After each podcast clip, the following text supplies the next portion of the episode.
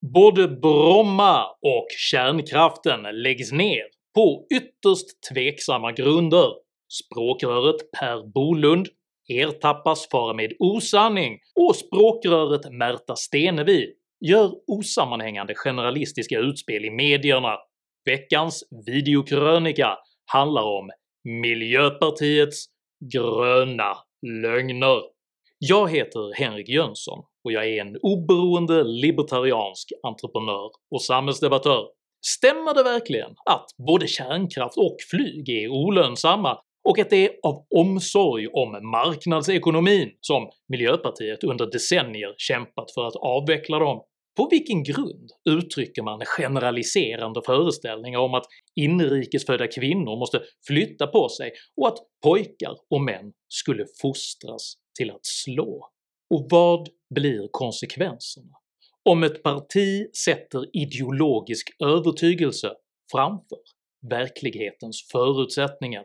Dessa frågor tar jag upp i veckans video. Jag gamar aldrig åt mig hederligt folks pengar, varken genom partistöd, mediestöd eller någon annan form av tvångsfinansiering.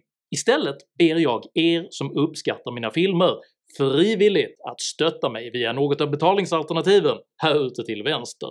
Det är endast tack vare ert generösa stöd som jag kan fortsätta att göra nya aktuella videokrönikor varenda vecka, så ett stort stort tack till de av er som bidrar. Är du ny här på kanalen så kan du dessutom med fördel prenumerera här nedanför, se till att klicka på den där ideologiskt motiverade klockan, men se framför allt till att skriva upp dig på mitt veckobrev som finns länkat till videons beskrivning, så missar du garanterat aldrig när jag släpper nya filmer, vilket jag gör med ett atomurs precision varenda lördagsmorgon klockan 08.00 svensk tid. Idag talar jag om lönsamhet, ledarskap och lögner. Häng på!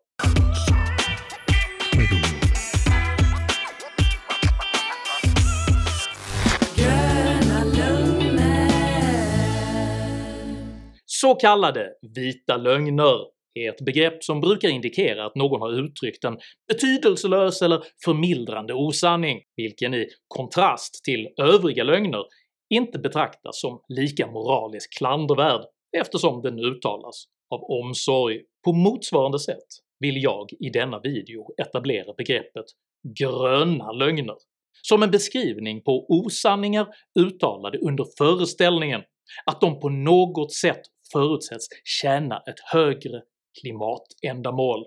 Exempel på gröna lögner kan vara att framhålla olika typer av symbolåtgärder som nödvändiga eller att påstå att oönskade fenomen måste förbjudas för att världen ska kunna räddas. Den som ifrågasätter denna typ av påståenden angrips i allmänhet personligen under förevändningen att vederbörande antingen lever i ett förnekelsetillstånd eller är kognitivt oförmögen att begripa argumentationen. Oaktat att ad hominem-angrepp av denna typ är retoriskt ohederliga så måste denna typ av påståenden vederläggas för att invändningar inte ska kunna avfärdas obemötta. Låt mig därför inledningsvis fastslå att jag på intet sätt är vad delar av samtidsdebatten kallar för “klimatförnekare”.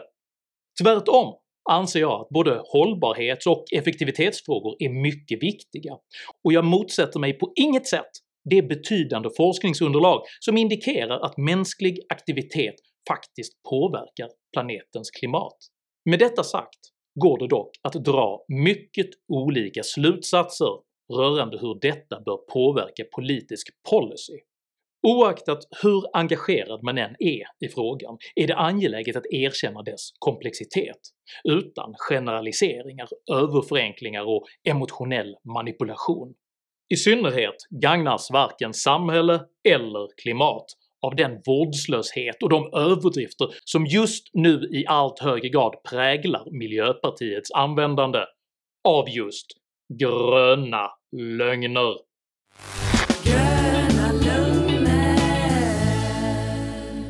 Miljöminister Per Bolund och infrastrukturminister Thomas Eneroth meddelade i veckan under en presskonferens att regeringen ämnar stänga Bromma flygplats. Idag kan regeringen ge besked att man vill avveckla Bromma flygplats. Eftersom Swedavia ansvarar för driften av Bromma flygplats innebär det att eh, Swedavia därefter kan fatta beslut om att stänga flygplatsen. Beslutet betraktas som resultatet av ett flera decennier långt miljöpartistiskt avvecklingsarbete, men presenterades ytterst som en konsekvens av bristande lönsamhet. När Swedavia går in och gör bedömningen att det inte finns marknadsmässiga förutsättningar att bedriva Bromma vidare. Som intäkt för den fallande lönsamheten har man tagit fasta på det minskade flygandet under coronapandemin, utifrån vilket man drar slutsatsen att flyget aldrig kommer att återhämta sig igen.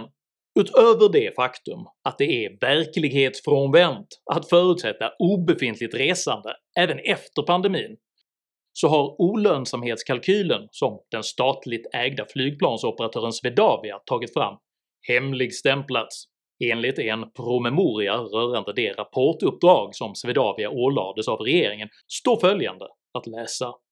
Ägaren, alltså svenska staten, i detta fall representerad av näringsminister Ibrahim Baylan, uttryckte en önskan om att bolaget återkommer med affärsmässiga perspektiv av att trafiken inte skulle återupptas på Bromma flygplats.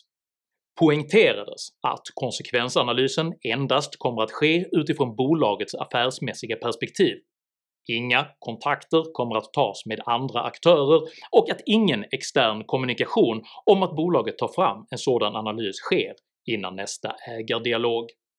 I klartext betyder detta att statsägda Swedavia ålades att producera en rapport som på olönsamhetsgrund stöttade regeringens önskan att lägga ner Bromma flygplats. Och som ett brev på posten kan näringsminister Baylan således tre månader senare skapa medialt stöd för bilden av Bromma flygplats som olönsam. På en direkt fråga om det hemligstämplade beslutsunderlaget inte borde offentliggöras svarar Baylan “Swedavia omfattas som statligt ägt aktiebolag, inte av offentlighetsprincipen” men försöken att genom hemligstämpling upprätthålla bilden av Bromma flygplats som olönsam delas inte av marknaden, trots att externa aktörer uttryckligen exkluderades. Faktum är att flygplatsoperatören ACR redan i början av året uttryckt intresse av att ta över kommersiell drift av Bromma. Även oaktat lönsamhetsdiskussionen präglas nedläggningsbeslutet av symbolpolitik i högre grad än av verklighetsförankring. Flyget står enligt FNs klimatpanel IPCC för ungefär 2% av de globala koldioxidutsläppen, och av dessa 2% stod Sverige innan pandemin för ungefär 1,2 promille. Av denna promille utgör Brommas inrikesflyg en omätbart liten del, vilken inte gör någon som helst skillnad för de globala koldioxidutsläppen. Även argumentationen om att Bromma flygplats inte skulle behövas präglas av ideologi och godtycke. Att flyga från Sturup i Skåne till Bromma, vilket jag själv gör under normala omständigheter ett par gånger per månad, tar ungefär 2,5 timmar från dörr till dörr. Med tåg tar samma resa ungefär det dubbla. Man bör även konstatera att flygplatsen Arlanda i sitt nuvarande skick saknar kapacitet att ta över det antal inrikesflyg som innan pandemin gick till Bromma, men Miljöpartiet hyser förhoppningen att inte behöva bygga ut Arlanda heller. Hans parti har länge kämpat för en nedläggning av Bromma och hoppas slippa att Arlanda ska behöva byggas ut som kompensation. Det finns ju en väldigt stor kapacitet på Arlanda som inte används heller nu. Eh, flygandet har ju gått ner dramatiskt. För frågan handlar varken om lönsamhet, om Bromma flygplats eller ens om upprättandet av en utopisk ny grön oas precis precis där flygplatsen just nu ligger, utan allt handlar om att Miljöpartiet inte vill att människor ska flyga alls, och för att uppnå detta mål är man benägen att både framreglera olönsamma villkor och rapporter, motarbeta alternativ kapacitetsutbyggnad och sälja in villfarelsen att Sveriges demokratiska och ekonomiska integration inte kommer att försämras i paritet med att det övriga rikets kommunikationer med huvudstaden försämras. Detta är också anledningen till att man 2018 införde en skatt på flygresor i Sverige, trots att en motsvarande satsning på att premiera grönt flygbränsle sannolikt skulle ha sänkt utsläppen minst dubbelt så mycket. För Miljöpartiet är inte intresserat av att göra flyget mer miljövänligt, utan bara av att få folk att sluta flyga. Det står folk fritt att hysa åsikten att Bromma bör avvecklas. Man kan även anse närhet till Stockholm vara onödigt, och det är möjligt att anse just Bromma flygfält vara unikt lämpat för upprättandet av en ny grön utopi. Men det går inte att hävda att en nedläggning av Bromma skulle vara ekonomiskt motiverad, och Miljöpartiet vet att beslutet saknar rationell ekonomisk grund. Ja, så händer det äntligen! Bromma flygplats läggs ner. Och Ja. det, det är ingen liten vinst. Nej, nej, nej, det här är en sån stor vinst. Och även om sossarna vill få det att låta som att det här är ett beslut enbart baserat på rationellt ekonomiskt tänkande så är det inte så. Detta är en miljöpartistisk seger. För detta är inget annat än gröna lögner.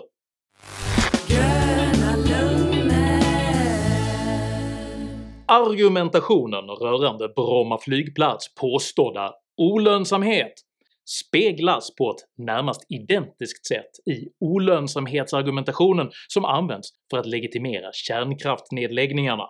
Denna argumentationsstrategi syftar huvudsakligen till att göra det svårt för den fiskalt konservativa högern att försvara de fenomen som miljörörelsen finner misshagliga genom att framställa dessa som olönsamma och bidragsberoende.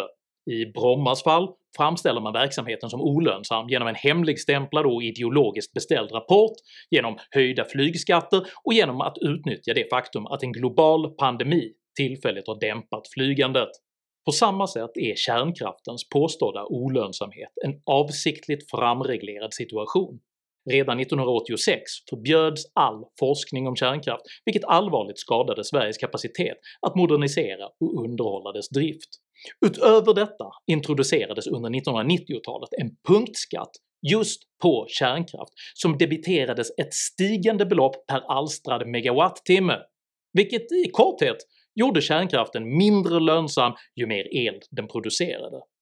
2014 höjdes denna skatt med 17%, samtidigt som slutförvaringsavgifterna höjdes drastiskt och fördyrande säkerhetskrav utan bäring på de svenska reaktortyperna genomdrevs. Efter alla dessa avsiktligt lönsamhetshämmande åtgärder kunde statliga Vattenfall slutligen säga att “kärnkraften var olönsam” vilket precis som i fallet med Bromma flygplats gav medialt stöd för föreställningen om att kärnkraftsnedläggningen skedde på marknadsmässiga grunder. Det var marknadsskäl som gjorde att ägarna till reaktorerna stängde kärnkraften. Kärnkraften måste bära sina egna kostnader. Vattenfall stängde de här reaktorerna av lönsamhetsskäl. Utan det är ju marknaden som avgör om det, hur stor andel kärnkraftsel vi kommer ha i framtiden. Samtidigt uttryckte dock flera privata aktörer intresse över att ta över driften av Ringhals 1, och för bara två veckor sedan uttryckte sig Sveriges energimyndighet så här. Med en ökande elanvändning, bland annat på grund av eldriven ståltillverkning som nu planeras i Boden, så kan det bli lönsamt att bygga ny kärnkraft i Sverige. Det skriver Energimyndigheten i sin senaste långtidsrapport. Men ytterst bryr sig Miljöpartiet inte om ifall kärnkraften är både lönsam, behövd och koldioxidfri, för den överordnade ambitionen är att kärnkraft inte ska existera. Och regeringen vet att kärnkraftsavvecklingen saknar rationell ekonomisk grund. Kärnkraften står för 50% av vår elproduktion och, och det är väldigt mycket. Och att eh, tro att den kan försvinna utan att det får konsekvenser på endera utsläpp, att vi behöver använda mer CO2 eller att vi får elbrist, det, det är enligt vårt sätt att se lite blåögt. Att tro att vindkraften ska ersätta kärnkraften i sin helhet, det, det, det tror inte vi på. Det, det får sådana allvarliga konsekvenser. För detta är inget annat än gröna lögner.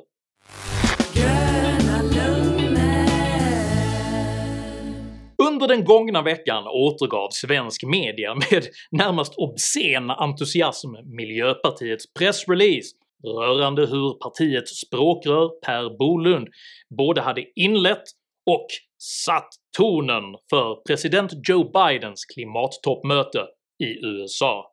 Själv kommenterade Bolund mötet med följande ord. Rundabordssamtalet handlade om att eh, Eh, hitta inspiration, att eh, bjuda in länder som hade kreativa lösningar och som gick före när det gäller klimatarbetet. Och, eh, då var det ju klart att, eh, att Sverige fick inleda hela den rundan eh, är ju ett tecken på att USA ser oss som en föregångare. Men på måndagen visade sig att Per Bolunds anförande, till skillnad från denna beskrivning, inte hade kickat igång klimattoppmötet. Faktum var att språkröret inte ens hade suttit vid samma bord som stormaktsledarna utan endast hade deltagit på ett externt gruppmöte tillsammans med länder som Kap Verde, Kazakstan och Guyana. För tidningen Omvärlden beskrev ändå Bolund mötet så här. John Kerry ville understryka hur viktigt Sveriges ledarskap varit i arbetet med klimatmålen, att det varit viktigt för att hålla kursen. De bjöd först in de inte särskilt klimatprogressiva länderna, och sen skickade de ut särskilda inbjudningar. Till de inte särskilt klimatprogressiva länderna räknas alltså enligt Per Bolund Danmark, Norge och EU, medan länderna som särskilt bjudits in för sin klimatprogressivitet inkluderade Mikronesien, Madagaskar och Sverige. Den realpolitiska konsekvensen av detta genanta agerande är att Sverige som nation förbrukar internationellt relationskapital i ett försök att höja Miljöpartiets väljarstöd i Sverige. För att solka ner angelägna internationella relationer med löjeväckande skryt är helt enkelt ingenting annat än gröna lögner.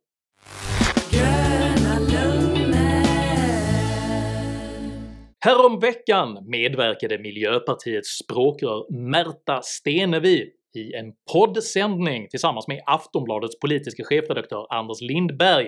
I podden uttryckte Stenevi bland annat följande anmärkningsvärda syn på maktfördelning.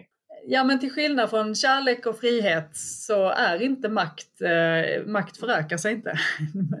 makt är liksom, eh, den är begränsad. Det finns eh, ett visst, en viss mängd makt.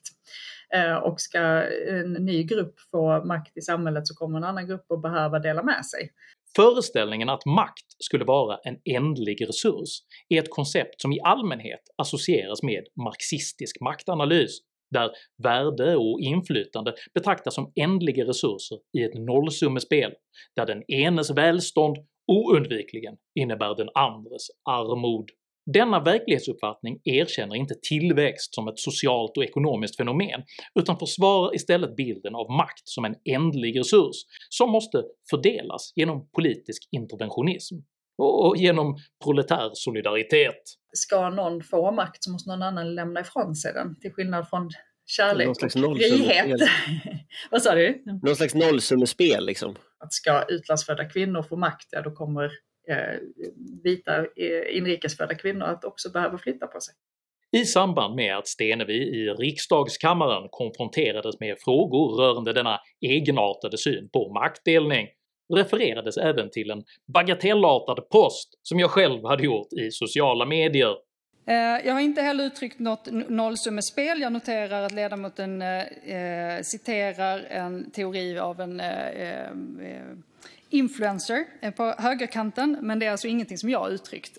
Jag är naturligtvis djupt hedrad av att inkluderas i en angelägen diskussion i riksdagskammaren, men måste ändå rätta språkröret så tillvida att min post inte framförde någon teori alls, utan endast påpekade vilken idétradition som företräder den maktanalys hon gett uttryck för i Aftonbladets podcast. Men den frågan får jag nog be ledamoten ställa till någon som driver eller tror på en marxistisk maktteori, för jag är inte en av dem och har inte heller någonsin gett uttryck för det.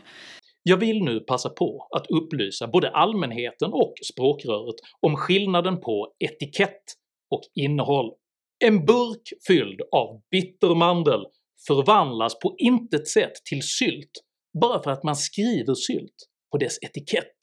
Om jag exempelvis sa någonting i stil med “Jag tror att egenintresse i princip fungerar som en slags osynlig hand som spontant organiserar samhället på rationella principer” och sen indignerat avvisade alla påpekanden om att jag uttryckte klassiskt liberalt tankegods, då skulle jag med rätta betraktas som antingen en obildad dumskalle eller som en ohederlig demagog. Take your pick. För tankar som uttrycks av politiska makthavare mäts rättmätigen mot samhällets bärande idétraditioner oavsett om avsändaren förstår dessa traditioner eller ej. Och sen hoppas jag att ledamoten hittar någon annan att diskutera marxistisk maktteori. Jag kan rekommendera Henrik Jönsson. Tack fru talman. Knappt två veckor efter den förlupna marxistiska maktanalysen återvände Stenevi till samma tema under en intervju i nyhetstidningen Dagens Samhälle. Under detta samtal uttryckte språkröret åsikten att det skulle vara ett djupt samhällsproblem att pojkar och män fostras att slå. Utspelet är lika befängt generaliserande som avslöjande, för denna typ av återkommande klavertramp uttrycker ingen egentlig illvilja utan röjer bara det oreflekterade hopkok av kollektivistiska föreställningar som behövs för att legitimera den auktoritära sociala ingenjörskonst som Miljöpartiet anser vara nödvändig för att rädda världen ifrån undergång. För ingen kan göra en grön utopisk omelett utan att knäcka några individualistiska ägg, och för allas bästa anser sig Miljöpartiet således nödgat att allt oftare nyttja välmenta gröna lögner.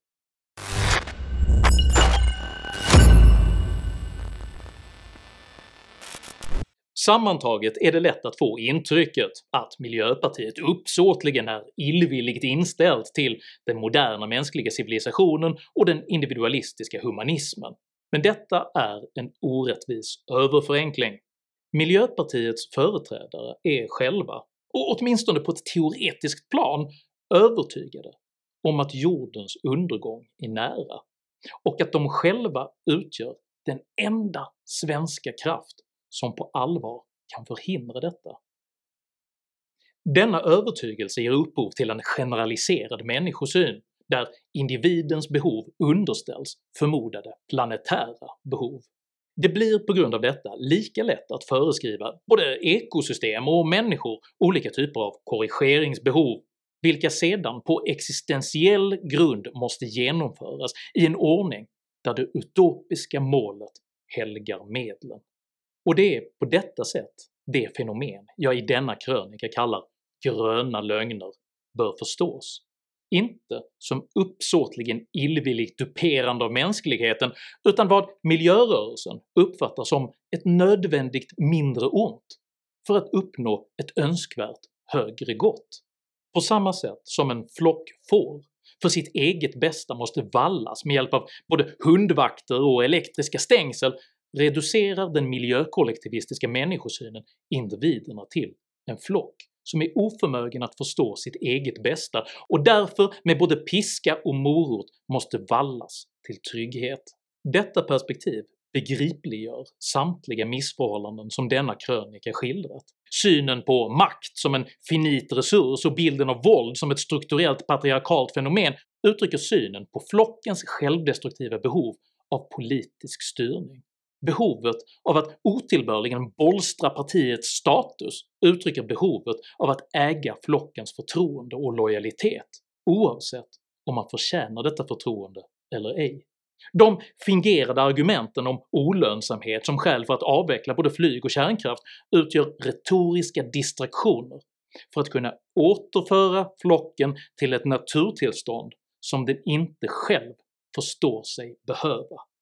Och de ofta direkt kontraproduktiva symbolåtgärder som man genomdriver, som subventionerade elcyklar, konsumtionsförbud och olika typer av punktskatter utgör en form av gyllene kalv kring vilken flocken förenas i upplevelsen av rättfärdigt kollektiv under sin långa vandring till det förlovade och klimatsmarta land som Herren lovat dem. Men ytterst sett är en lögn alltid en lögn, oavsett om den är vit eller grön. Och politiska lögner bör skoningslöst avslöjas, för konsekvenserna kan bli mycket mycket allvarliga om tillräckligt många förleds att tro på dem. Så när du hör någon yttra en grön lögn, konfrontera dem med välvilja. Jag vet att du vill väl, men osanning leder oss fel. Jag accepterar inte dina gröna lögner.